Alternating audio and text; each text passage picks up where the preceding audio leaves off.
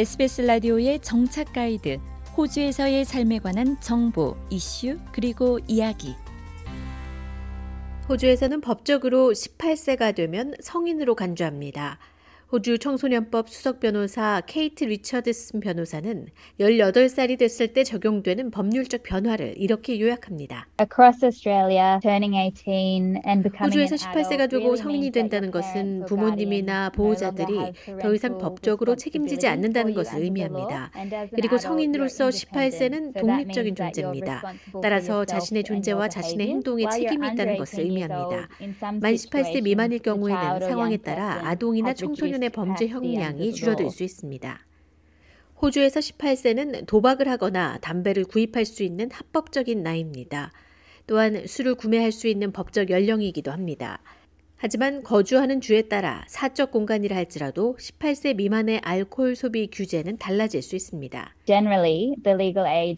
허가를 받은 장소에서 술을 사거나 마실 수 있는 법적 나이는 18세입니다. 일반적으로 18세 미만이 사적인 장소에서 술을 마시는 것은 불법입니다. 즉 부모나 보호자 또는 부모나 보호자의 허가를 받은 사람이 술을 제공하지 않는 한 집에서나 다른 사람의 집에서 술을 마시는 것도 불법입니다. 이는 주나 지역에 따라 약간의 차이가 있으며 특히 사적인 장소에서 성인의 감독하에 음주를 하는 것에 대해서는 지역 마다 다를 수 있습니다. 모나쉬 대학의 교육 및 사회정의 전공 스티븐 로버츠 교수는 청소년에서 성인으로의 전환기에 대해 연구 중입니다. 로버츠 교수는 위험한 술 소비에 대해 걱정하는 부모들이 그 위험성에 대해 자녀들에게 교육하는 것은 좋지만 또한 현실적일 필요가 있다고 말합니다.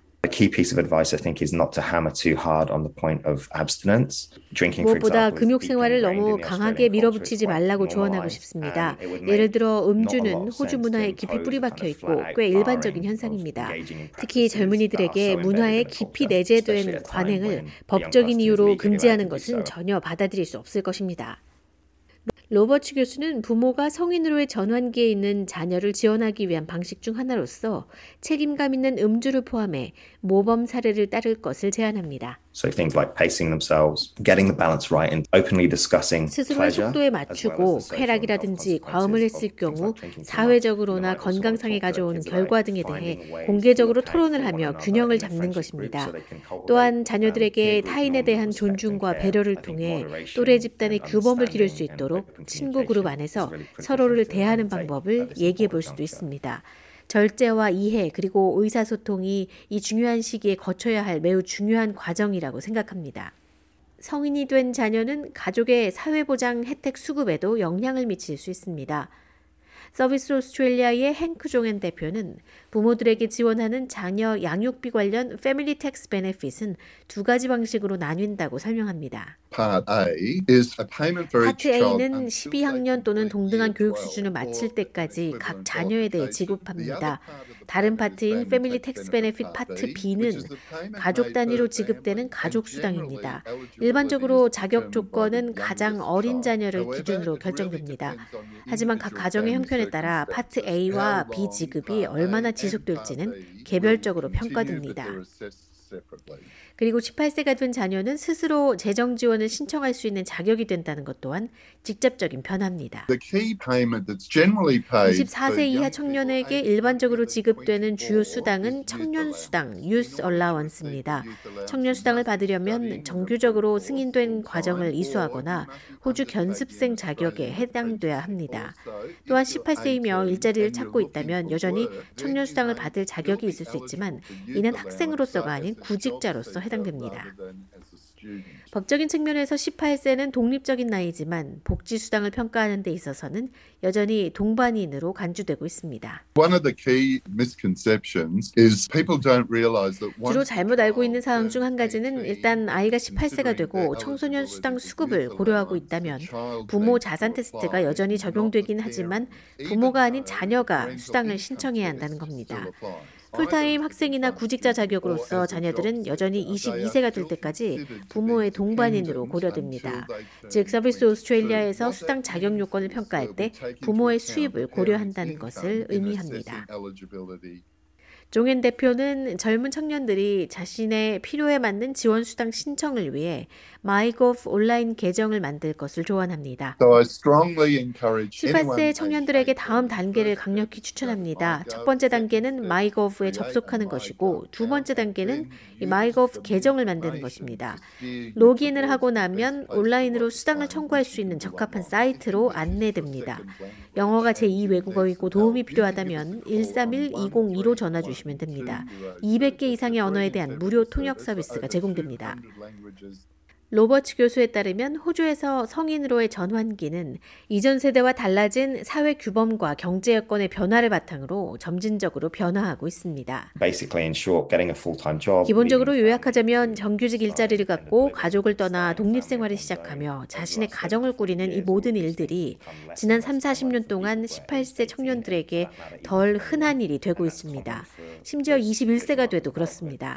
이는 성인이 되었다는 사회적 지표들이 기본 적으로 훨씬 늦은 20대 후반이나 심지어 30대에 달성되는 것이 일반적인 현상이 되고 있는 것입니다.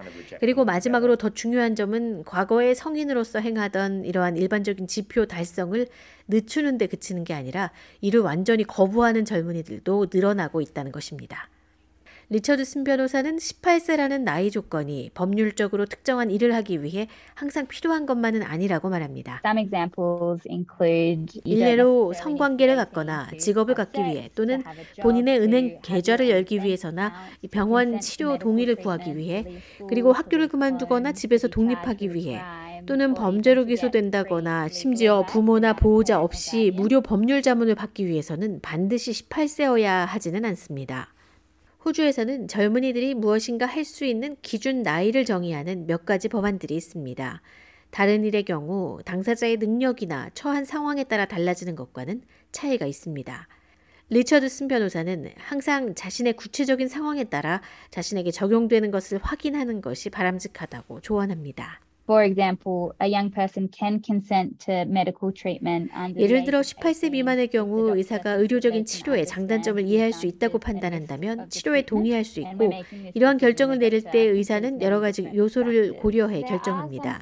또 18세 미만이 부모나 보호자의 허가 없이도 여권을 발급받을 수 있는 상황이 있을 수 있습니다. 상당히 많은 종류의 특별 사정이 적용되기 때문에 법률 자문을 받아 적용 여부를 확인해 보는 것이 좋습니다. 법에 따른 청소년들의 권리를 설명하는 자료는 각 주와 테러토리의 법률 지원 위원회 그리고 청소년 법률 서비스를 통해 확인할 수 있습니다.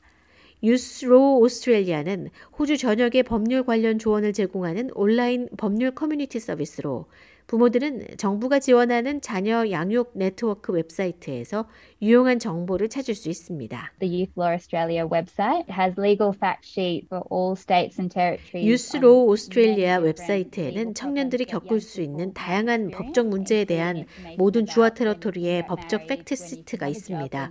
예를 들어 언제 결혼할 수 있는지, 몇 살부터 직업을 가질 수 있는지, 또 몇 살에 운전을 할 수 있는지에 대한 정보가 포함됩니다. 부모들에게 가장 좋은 정보 제공처는 자녀 양육 네트워크, Raising Children 네트워크입니다. 여기에는 10대들의 법적 연령과 법이 젊은이들에게 어떻게 적용되는지에 대한 많은 기사 자료를 찾아볼 수 있습니다. 더 많은 정착 가이드 스토리를 원하시면 sbs.com.au/korean을 방문하세요.